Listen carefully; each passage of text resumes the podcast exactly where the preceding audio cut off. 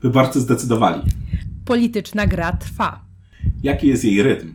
W podcaście Rytm Polityki witają Was Agata Kępa i Tomasz Synowiec.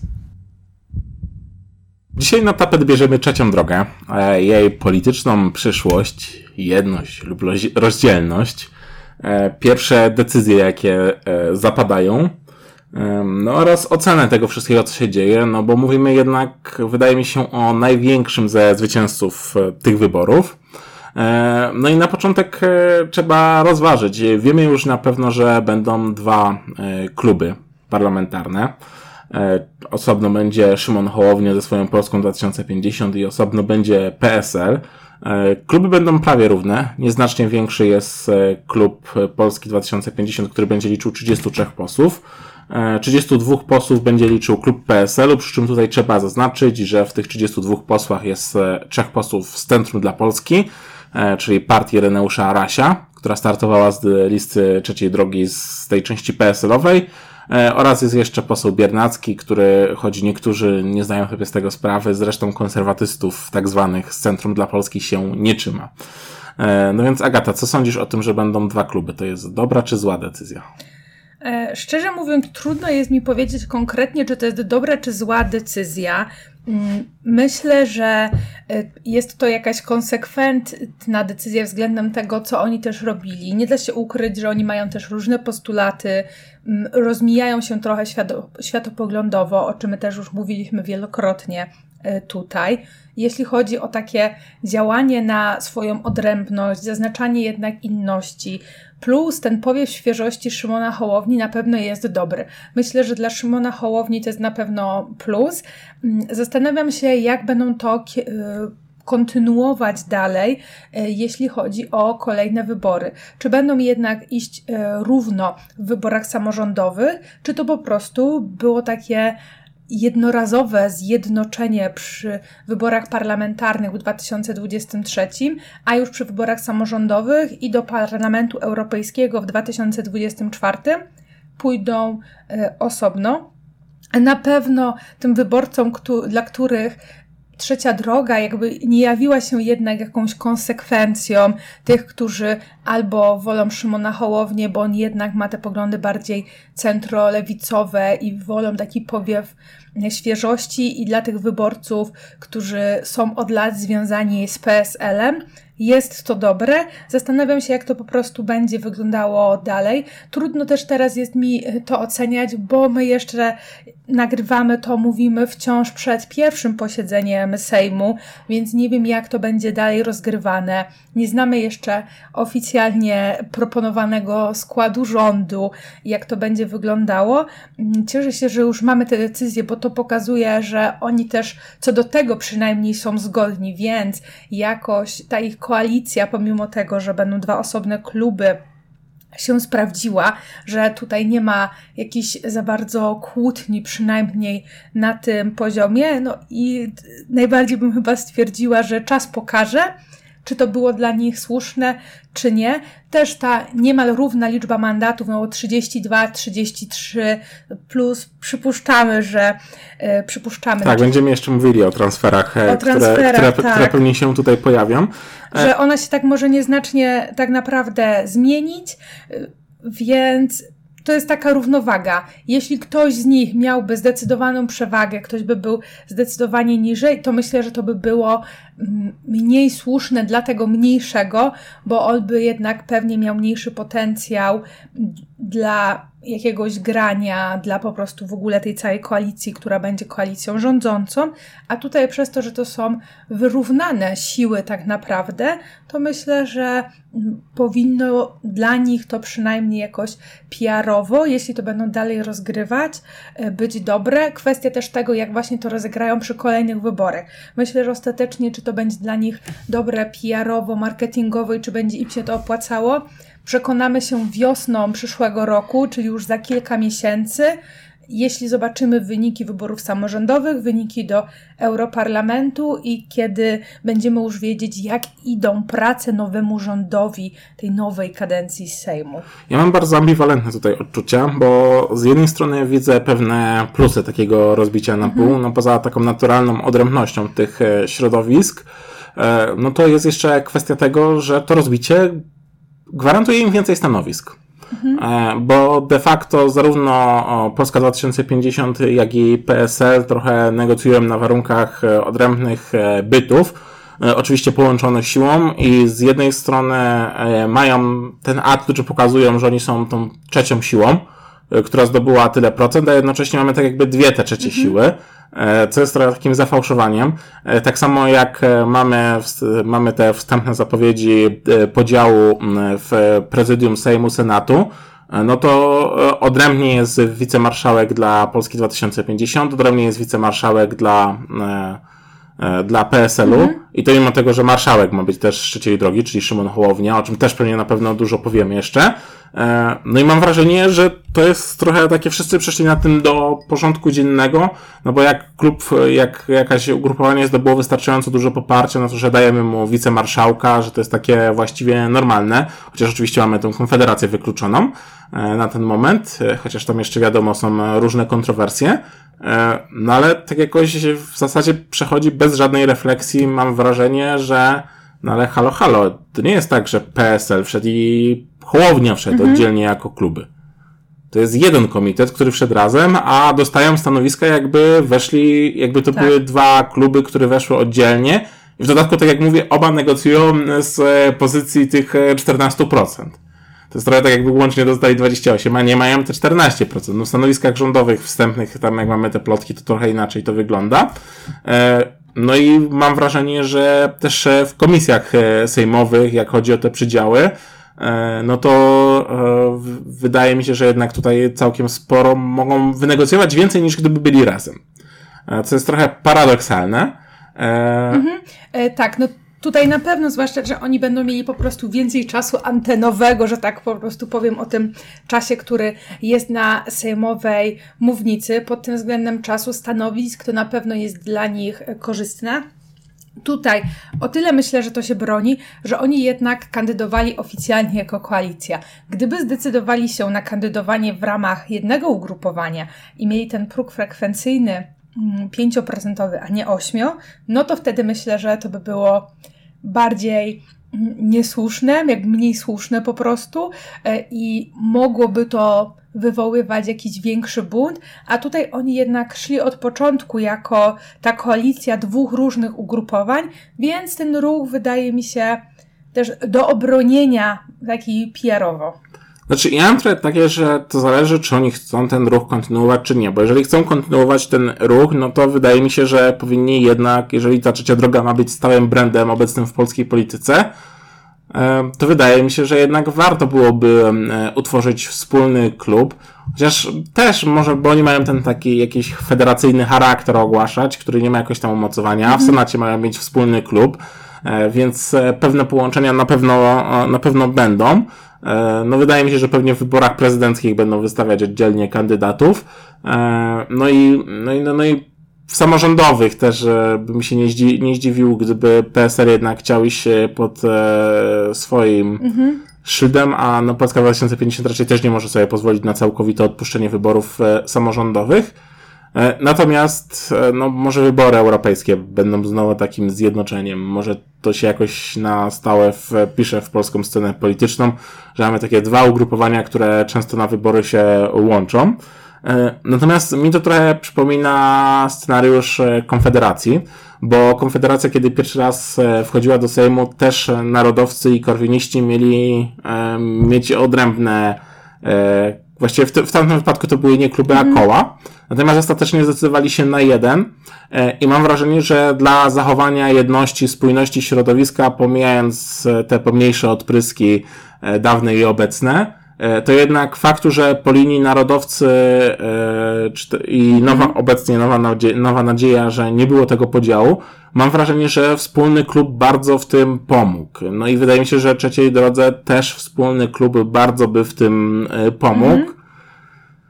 No, no, no jest pytanie, czy jak będą jednak funkcjonować w takiej odrębności, czy, czy to nie będzie ciągnęło ich e, od siebie. No, cięż, ciężko powiedzieć. No, jakby, tak naprawdę nie mieliśmy wcześniej w historii Polski takiej sytuacji, żebyśmy mieli, żebyśmy mieli dwa byty, które wchodzą łącznie, później są oddzielnie, ale deklarują taką e, bliską współpracę, wchodzą e, wspólnie ale na odrębnych też warunkach do rządu, jako odrębne podmioty.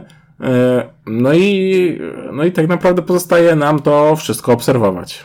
To z pewnością, zwłaszcza, że mamy historie inne, kiedy były jakieś byty połączone, a potem jeden byt e, wchłaniał drugi i było trudno jednak zachować jakąś odrębność, dwie osoby, które pełniły stanowisko lidera, zwłaszcza jeśli jedno ugrupowanie miało przewagę chociażby strukturalną, ze względu na to, że istniało e, dłużej. Mm, także na pewno będziemy to obserwować. Ja tylko chciałam się odnieść jeszcze do tych wyborów samorządowych, że moim zdaniem akurat lepiej by było, gdyby oni poszli razem, znowu jako trzecia droga. Tutaj mówię trochę z perspektywy osoby, która całe życie mieszkała w mieście na prawach powiatu, tylko w różnych y, miejscowościach, y, więc mam to takie skrzywienie, że y, u mnie PSL nigdy nie jawił się jako ugrupowanie, które ma silne struktury. I jak mm, wiem, że jakby w tych miastach większych to PSL nie ma raczej silnych struktur. Oni jednak, jak już to bardziej w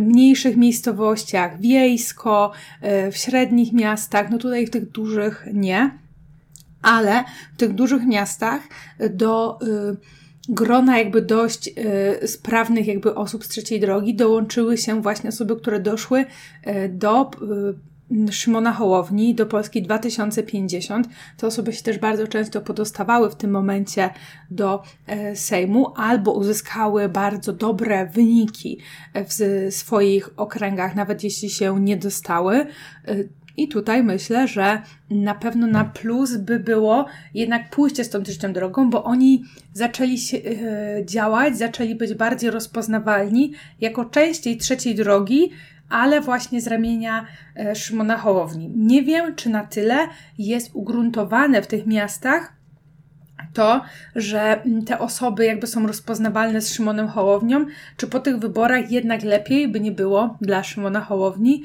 gdyby e, poszli tutaj razem? No, dla Szymona Hołowni może byłoby lepiej, zwłaszcza, że on jednak tę strukturę ogólnokrajową ma dużo słabsze niż e, PSL, no ale dla PSL-u, zwłaszcza w samorządach, to logo ta marka ma ogromne znaczenie. I to też jest ważne nie tylko z tego względu, mm. że po prostu no, to, to jest duża siła, mm -hmm. ale też część działaczy PSL-u może mieć e, słabsze związki z marką trzeciej drogi niż z marką PSL-u. -hmm. e, a te związki PSL-u z częścią struktur są oparte na samorządzie. Tak. Więc e, e tu poza tym, że po prostu e, poza jednak sentymentem, który w PSL-u na pewno będzie silny, e, widziałbym jednak takie niebezpieczeństwo, e, że te struktury zaczną troszkę się rozchodzić, kiedy e, ta marka, z którą byli związani od lat, do której są przywiązani, przestałaby funkcjonować. Bo to trochę jednak jest tak, że często ktoś działa w jakimś ugrupowaniu, no bo działo od 20-30 lat, E, już jest I po działał prostu... jeszcze jego y, ojciec, dziadek i prababka. E, tak, więc e, e a w PSL-u chyba będziemy mieli najwięcej takich, to, to jest jedyna partia, gdzie w ogóle takie historie jakoś będziemy mieli. E, I w momencie, kiedy ten szyld się zmienia, kiedy trzecia droga to jest jednak już troszkę coś innego, to pytanie, czy w części struktur nie doszłoby do takich rozróżnień, mm. a nawet nie musi do nich dojść. Pyta, pytanie, czy nie będzie po prostu u działaczy obaw, a, obawy też E, mogą hamować. E, no z wyborami do Europarlamentu też e, będzie problem. On nie jest jakiś bardzo duży.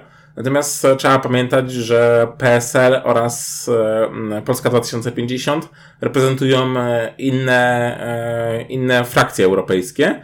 Tak jak mówię, to nie jest duży problem, bo to nie tylko w Polsce zdarza się, że istnieją ugrupowania, które E, współtworzą jeden komitet, e, jedno, jedną siłę, a w, należą do różnych frakcji europejskich.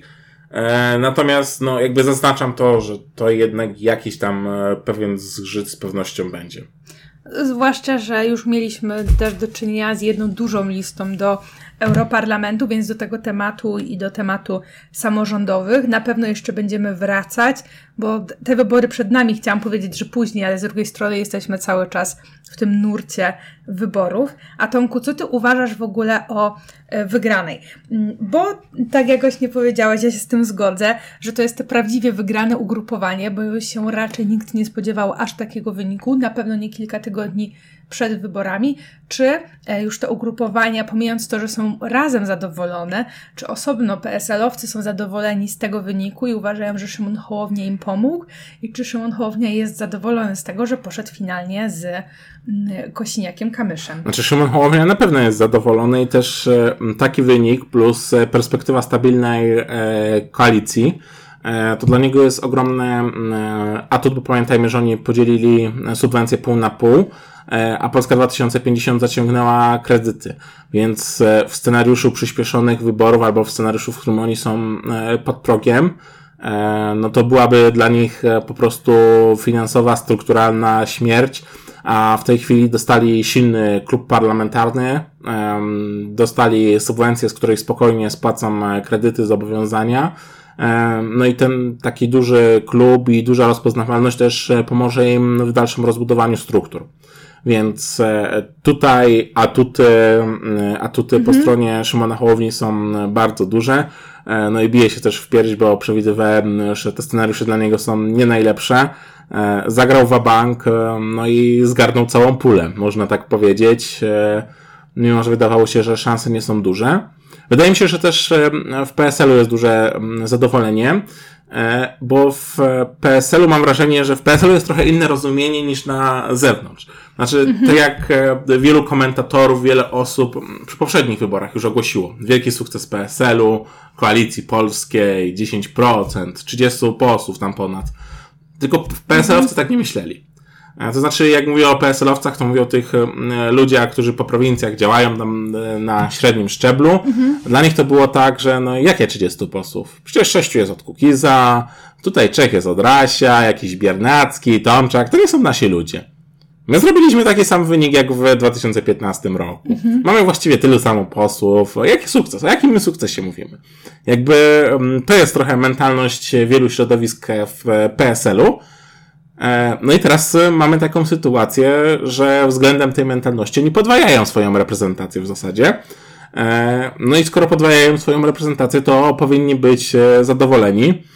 Opozycja wobec Kośniaka Kamysza na pewno zostaje jakoś tam uspokojona.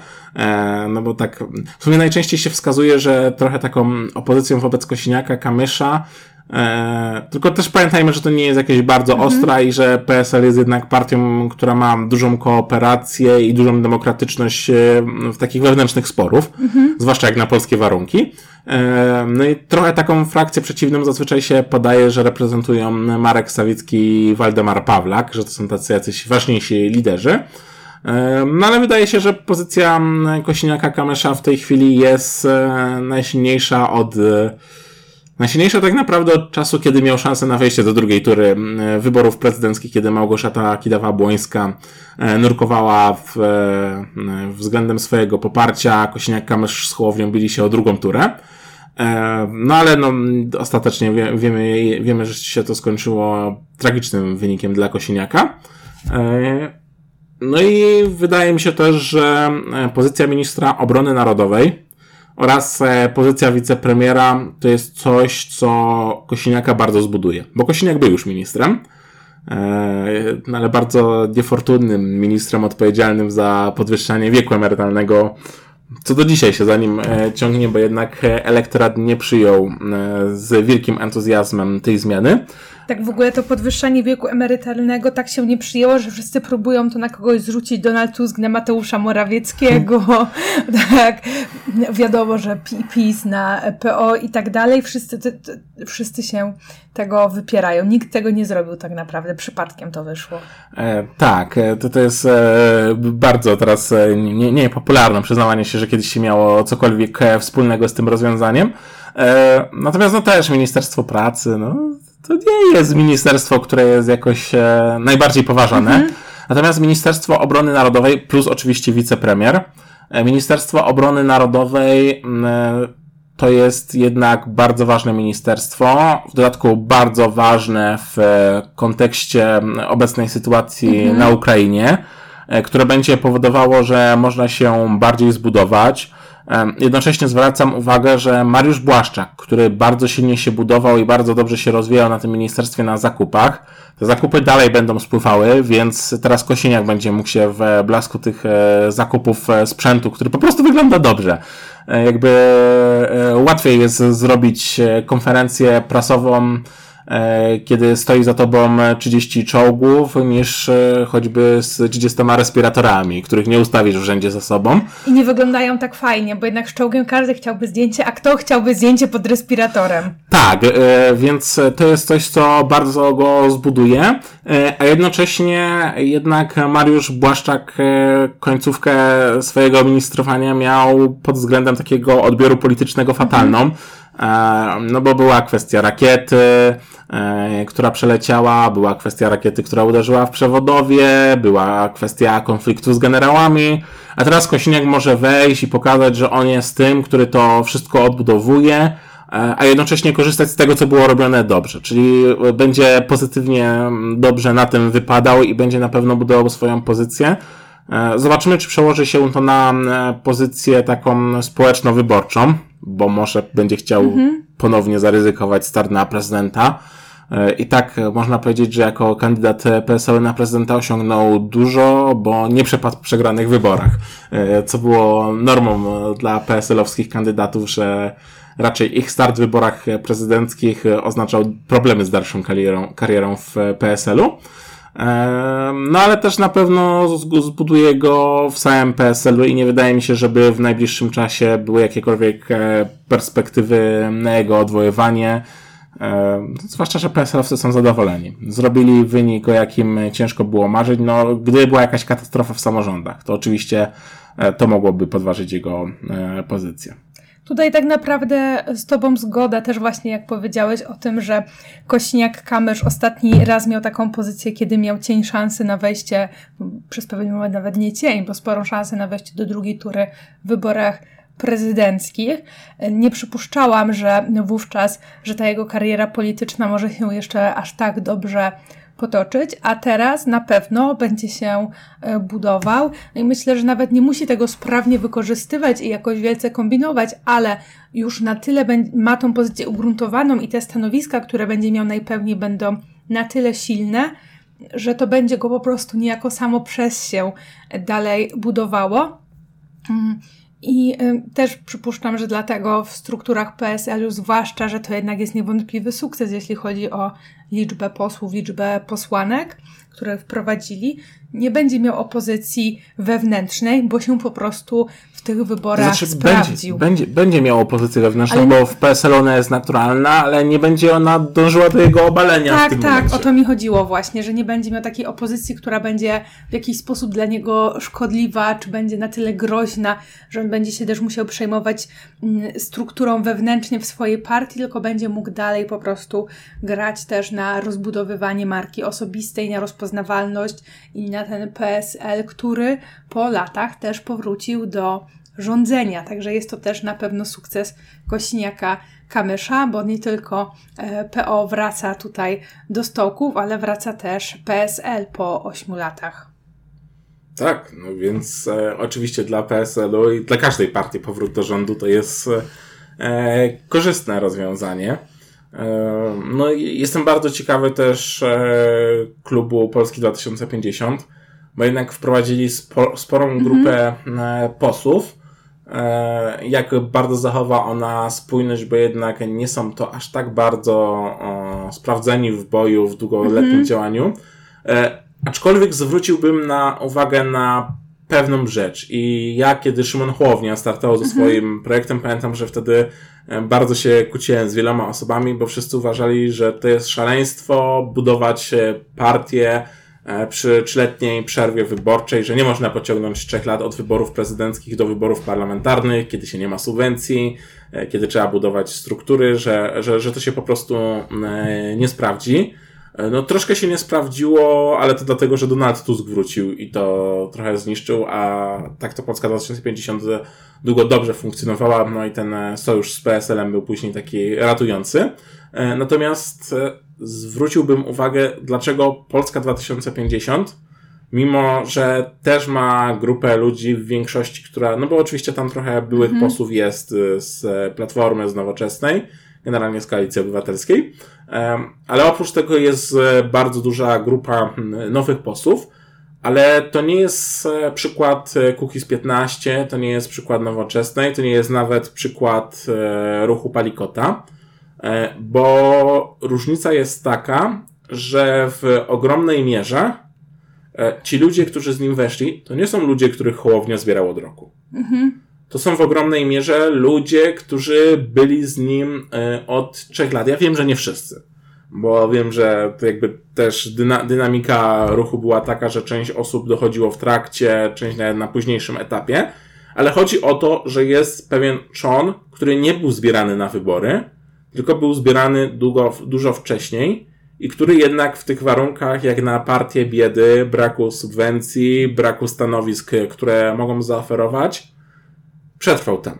Co jednak e, jest takim wyznacznikiem nieco większej lojalności niż w sytuacji, kiedy zbieramy listy wyborcze na pół roku przed wyborami, mhm. bo wtedy w naturalny sposób te więzi nie są tak mocno zbudowane i przy ewentualnych e, pokusach mogą się rozpadać. E, więc dlatego ja uważam, że klub Szymona Hołowni będzie jednak dość spójny. Natomiast ważne według mnie będzie to, Szymon Hołownia powinien popracować nad tym, żeby nie był jedyną twarzą swojego ruchu. Mhm. Właśnie też chciałam Cię o to zapytać, kto według Ciebie jest twarzą poza Szymonem Hołownią?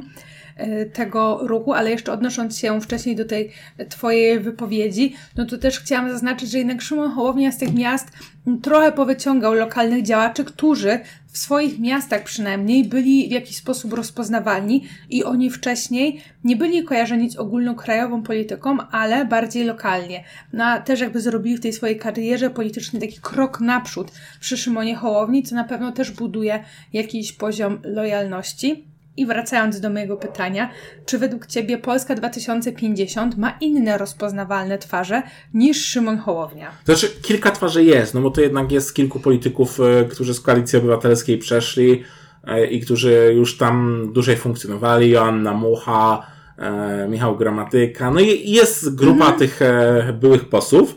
Natomiast jakbym miał się tak zastanowić, kto spoza grupy byłych posłów, to na pewno Michał Kobosko ma jakąś mhm. rozpoznawalność i też podejrzewam, e, nie zdziwiłbym się, gdyby to on został wicemarszałkiem e, z ramienia trzeciej drogi, kiedy marszałkiem zostanie Szymon Hołownia. Mhm. E, więc tutaj może będzie jakaś jedna twarz, zresztą on jest formalnie prezesem partii. Tak, a poza tym startował z Warszawy, która jednak mimo wszystko jest gdzieś w dyskursie tak. uznawana za to centrum, pomimo tego, że. Trochę liderów uciekło w tych tak. wyborach. No więc myślę, że on. E, myślę, że taki potencjał, jak patrzę na tych nowych posłów, być może Adam Gamoła, e, Gamoła albo Gomoła, przepraszam, nie pamiętam w tej chwili, wyleciało mi. Natomiast e, to jest najmłodszy poseł wybrany mhm. w tej kadencji. Wydaje mi się, że Gomuła. Tak, no sprawdzimy. To jeszcze, jeszcze zdarza, no wiadomo, no 460 posłów zdarza się jakieś nazwisko pomylić. Wydaje mi się, że on potencjalnie no bo jest najmłodszym posłem, to w sposób naturalny daje mu e, ten, a zawsze jak jest jakiś poseł naj, E, to łatwiej mu się medialnie przebić dzięki, dzięki temu. Tak, a poza tym on w przyszłym roku, kiedy, bo, bo w tym momencie w, do Sejmu dostały się trzy osoby poniżej trzydziestki, ale dwie z tych osób w przyszłym roku, z tego co kojarzę, kończą 30 lat. Więc on jednocześnie będzie jedynym takim posłem uznawanym za tą reprezentację młodych cały czas, bo jako jedyny w trakcie tej kadencji on nie będzie miał 30 lat i ich nie skończy do końca kadencji. Znaczy nie wiem, czy do końca kadencji, nie pamiętam już e, w tej chwili. Wydaje mi się, że kadencję skończy już po 30, ale też nie jestem pewien, więc e, całkiem, całkiem możliwe, że, że on jest e, młodszy. Natomiast, no, tu, tutaj widzę jakiś potencjał. Tak się zastanawiam, kto jeszcze z tak, takich nowych ludzi od Szymona Hołowni może zrobić, zrobić taką karierę. A co uważasz zastanawiam, o kom... zastanawiam, zastanawiam się, czy może pa, pani Leo, która była, e, która pracowała przy żonie Bronisława Komorowskiego, Mhm. kiedy ten był prezydentem. E, ona też zdaje się medialnie całkiem e, swobodnie wypadać, tak jak widziałem. A co sądzisz o Kamarewiczu, który miał jedynkę z Krakowa i jednak w Krakowie jest jakby nie było rozpoznawalny? Znaczy, no w sensie wydaje mi się, że jednak to jest kwestia tego, że my zwracamy bardziej na niego uwagę, bo jesteśmy z Krakowa e, i tu, tu tutaj jakby funkcjonujemy. Wydaje mi się, jakby e, nie widzę potencjału, żeby on się wybijał bardziej niż, e, kil, niż kilka innych osób e, w Polsce 2050. No bo ja rzuciłem dwa nazwiska, ale to nie jest tak, że jestem pewien, czy te dwa na- nazwiska staną się jakoś najbardziej medialne poza obecnymi, e, poza tymi ludźmi, którzy już wcześniej byli posłami. E, ale, czy rzuciłem, bo jeszcze Kobowsko. E, ale poza tymi trzema nazwiskami, to nie jest tak, że jestem pewien, że te trzy nazwiska zrobią największą karierę. No, dy- dynamikę medialną i tego, jak ktoś zbuduje swoją rozpoznawalność, jest e, ciężko przed pierwszym posiedzeniem e, Sejmu przewidzieć. Też nie znam personalnie każdej z tej osoby, a jednak taka znajomość pewnych cech osobowych bardzo by tutaj e, pomogła. E, No i oczywiście Szymon Hołownia będzie jednak e, tą największą e, twarzą tego ruchu. E, Myślę, że jak jesteśmy przy nim, to możemy jasno powiedzieć, e, zresztą nie odkryjemy tutaj Ameryki e, twierdzeniem, że on będzie tym marszałkiem Sejmu i będzie się tym marszałkiem Sejmu budował pod, pod pozycję kandydowania w wyborach prezydenckich. On będzie do listopada 25 roku tym marszałkiem jakoś, czyli to by tak wypadało, że, że jakby jeżeli zostałby prezydentem, nie daje jakichś wielkich szans na ten moment, bo jednak wydaje mi się, że Platforma PiS to będzie ta rywalizacja, która będzie się rozstrzygała, ale zawsze jakaś szansa na niespodziankę albo przynajmniej na silne trzecie miejsce jest. E, więc e, e, no, je, je, jedno to jest takie, że będzie się budował, e, a drugie to jest takie, że jeżeli te wybory prezydenckie zakończyłyby się niepowodzeniem, zwłaszcza jakimś większym, to będzie trochę tak, że po przegranych wyborach będzie schodził z funkcji marszałka, więc e, to też ma swoje minusy, jak popatrzymy bardziej e, długookresowo. E, Natomiast też nie wydaje mi się, żeby PSL poparł Hołownię w wyborach prezydenckich. Myślę, że PSL mimo wszystko, mm, mimo wszystko wystawi swojego kandydata, bo jednak, e, ja co prawda nie jestem przekonany, że to jest faktycznie taka zasada, ale e, jest e, takie przekonanie po tym, jak Unia Wolności kiedyś nie wystawiła swojego kandydata, po czym przepadła, że niewystawienie swojego kandydata w wyborach prezydenckich pogrąża partię. Tak jak mówię, nie mam takiego przekonania. Myślę, że da się nie wystawić kandydata i przy pomyślnych wiatrach zachować swoją pozycję, ale zawsze jest to pewne ryzyko, jest ten strach e, przed powtórzeniem tej sytuacji. No tutaj tak jak mówisz, są i szanse i zagrożenia. Ja sobie wyobrażam, że Szymon Hołownia ma szansę wejścia do drugiej tury, ale na to by się musiało złożyć wiele czynników. Tutaj mowa o tych wyborach prezydenckich w 2025, czyli jeśli e, PiS nie zbudowałby bardzo silnego e, kandydata, kiedy Donald Tusk nie zdecydowałby się na kandydowanie i jednak Rafał Trzaskowski nie byłby kandydatem na prezydenta, a Szymon Hołownia cały czas przez najbliższe dwa lata by budował znowu tą swoją pozycję, to myślę, że szansa na drugą, kaden- na y, drugą turę by była, ale tak jak mówię, musiałoby się złożyć tyle czynników przy tym, że jest to raczej mało prawdopodobne. Szanse na y, mocne trzecie miejsce za to myślę, że są dużo większe. Aczkolwiek ja też zwracam uwagę, że przy tym trzecim miejscu zawsze ważna jest dynamika. To znaczy, często jest tak, że jest grono kandydatów i na ostatniej prostej, albo też partii, na ostatniej prostej ktoś e, z tego peletonu się odrywa na to trzecie miejsce. Tak się oderwał przecież e, Paweł Kukiz. Tak. No z Szymonem Hołownią akurat było trochę inaczej, bo on się nie oderwał, e, on spadał, e, on, on został wyp- wyprzedzony będąc na tych pierwszych dwóch miejscach. No ale też trzecia droga, przecież parlamentarnie w tych wyborach też była taka, że wyskoczyła na to trzecie miejsce trochę w ostatniej chwili. Kiedy tak sondażowo te y, trzecie miejsca między Konfederacją, Lewicą a Trzecią Drogą różnie skakało. Tak, natomiast e, ewidentnie był moment silnego wzrostu w ostatnim e, tygodniu dla trzeciej drogi. E, mieli e, bardzo dobry moment e, wzrostowy. E, więc no, to nie jest tak, no bo ocenianie wyborów w 25 roku, w 23 roku jest e, obarczone wieloma błędami, wieloma e, niewiadomymi. E, bardzo często na tym etapie jeszcze w wielu krajach nie znaliśmy kandydata, który ostatecznie później wygrał. Więc no, po prostu nie jesteśmy w stanie uwzględnić wielu czynników, a zawsze jacyś kandydaci z zewnątrz się pojawiają i często oni odnoszą jakiś tam sukces, a to tą dynamikę całą będzie wywracało. Tak, no my musimy pamiętać, że my w tym momencie nie znamy kandydatów jeszcze na te wybory. No co więcej, nawet jak wybory się odbywają wcześniej, czyli za niespełna rok w Stanach Zjednoczonych, to my oficjalnie nie znamy kandydatów, którzy będą. No akurat nam byłbym w stanie jakieś pieniądze postawić, że, tak. jednak, że jednak wiemy, kto, kto, kto nie, się zmierzy w tych ale wyborach. Ale oficjalnie jeszcze nie jest to, bo przecież partii, przed partią republikańską e, prawybory, ale dzisiaj nie o tym. Wracając jeszcze do y, Szymona Hołowni, do Polski 2050 i w ogóle do trzeciej drogi i y, PSL-u. Y, myślę, że takim wyzwaniem, które będzie stało właśnie przed Szymonem Hołownią, to też będzie to, żeby budować nie tylko swoją markę, ale żeby budować inne marki osobiste i innych posłów, inne posłanki w ramach właśnie Polski 2050. Wiem, że z jednej strony w Polsce ruchy wodzowskie są bardzo popularne i my tak naprawdę mamy większość partii, które e, są takimi partiami wodzowskimi z silnym liderem i gdzie z innymi nazwiskami z boku, ale jest to jednak ryzykowne. E, teraz też te wybory pokazały na tą rekordową liczbę mijanek, o których wspominaliśmy, że coraz częściej my chcemy też głosować na jakichś konkretnych kandydatów. No i dużo lepiej jest mieć wypracowanych konkretnych kandydatów, konkretnych polityków, konkretne polityczki w poszczególnych okręgach, które też działają, działają w jakiś sposób lokalnie, a nie tylko jedno silne nazwisko. No bo Szymon Hołownia, przypuszczam, że jeśli mm, nie poszłyby za nim też jakiś lokalni, lokalni aktywiści, nie wypracowałby tak takiego wyniku, więc to też na pewno będzie to wyzwanie, bo tutaj zresztą się z Tobą zgadzam, że te nazwiska, które się najbardziej wybijają, no to są te trzy, czyli Mucha, czyli gramatyka, którzy już wcześniej byli związani z polityką i Kobosko, który... Henning Kloska. Też bardzo...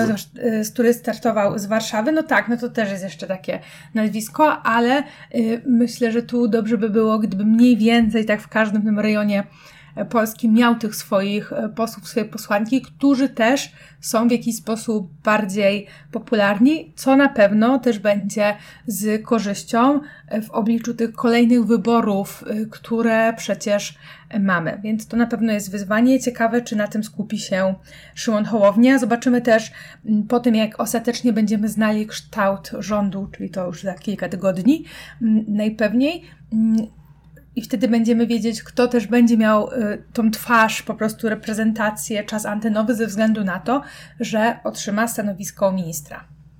Tak, no tutaj, tutaj się zgadzam. No też y, wydaje się, że tych ministerstw dla PSL-u będzie trochę więcej jak dla e, Polski 2050. Natomiast też, zastanawiam się, czy z Polską 2050 przy tej rotacyjności no bo tak jak mamy przecieki, no to mamy e, możliwe, że nawet tylko jedno ministerstwo dla Polski 2050, ale być może to jest właśnie kosztem marszałka Sejmu, żeby mhm. Szymon Hołownia go miał i być może będzie tak, że jak on przestanie być marszałkiem, to Polska 2050 dostanie jakieś ministerstwo. E, no ale to jest spekulacja jednak mocno w przyszłość na mocno jeszcze niepewnych mhm. materiałach. E, natomiast e, też zastanawiam, zastanawiam się, znaczy wydaje mi się, że ważne jest też to, że jeżeli chodzi o dalsze trwanie trzeciej drogi, no to w obliczu tego, że mają odrębne kluby, wydaje mi się, że absolutnie jest mało prawdopodobne, żeby to się kiedyś przekształciło w jedno ugrupowanie. Mhm. To raczej będzie właśnie formuła współpracy, E, aczkolwiek na ich miejscu zarejestrowałbym partię Trzecia Droga tylko i wyłącznie po to, żeby nikt innych tego nie zarejestrował. E, tak, tak. Bo, bo, bo to jednak jest e, w, jest w Polsce zwyczaj takiego rejestrowania e, partii, żeby podkreślić komuś nazwę. Stąd... I teraz Tomek właśnie podpowiedziałeś ko- jakiemuś chochlikowi i się okazuje, że za tydzień mamy partię Trzecia Droga, która nie należy do Trzeciej Drogi. No jest już Polska 2050, która nie należy do Szymona Hołowni. Powinni się uczyć na błędach. Powinni się uczyć na błędach. E, powinna partia Trzecia Droga być zarejestrowana. Niech funkcjonuje sobie tylko i wyłącznie po to, żeby trzymać tę nazwę. Zresztą rezerw rezerwowa partia to, to też jest e, w polityce atut e, no można by tu trochę porozmawiać o tym, że w ogóle w Polsce istnieje czarny rynek e, partii politycznych, że są osoby, które rejestrują partie tylko po to, żeby komuś ją sprzedać, jeżeli będzie na szybko potrzebował, bo proces rejestracyjny czasami się przyciąga. Natomiast no wydaje mi się, że ta współpraca ma przyszłość. Kosiniak i Hołownia mają dość równą pozycję. Mhm. Raczej jednak ta współpraca układała się dość dobrze. E, natomiast, no tak jak mówię, to będzie współpraca dwóch odrębnych podmiotów. Mhm. E, I tak może już chyba powoli zmierzając tutaj tym omówieniem do końca, chciałam się zapytać, e, co myślisz o trzeciej drodze, jako rzeczywiście tej trzeciej drodze, jako alternatywie dla przełamania duopolu? Czy w ogóle my teraz mamy taką tendencję, to też na przykład pokazały różne sondaże wśród młodszych wyborców, którzy mniej więcej głosowali równo na ugrupowania, że ta że ten pluralizm polityczny jest istotny z jednej strony, no i mamy koniec duopolu PiS-PO, czy jednak mamy tą jedną oś polaryzacyjną na tyle silną, że trzecia droga tego nie przełamuje? Znaczy, z jednej strony mamy kilka sondaży powyborczych, które pokazują wzrosty dla trzeciej drogi, -hmm. większe poparcie niż mieli w wyborach. E, no ale nie wiemy, czy to nie jest trochę taki efekt e, zwycięzcy. E, więc ja, ja jeszcze czekam, chociaż nie wykluczam, że to jest faktycznie wzrost poparcia i że trzecia droga się zbudowała. No, trzecia droga jako trzecia droga, no i nie wydaje się być trzecią drogą. Jakby mhm.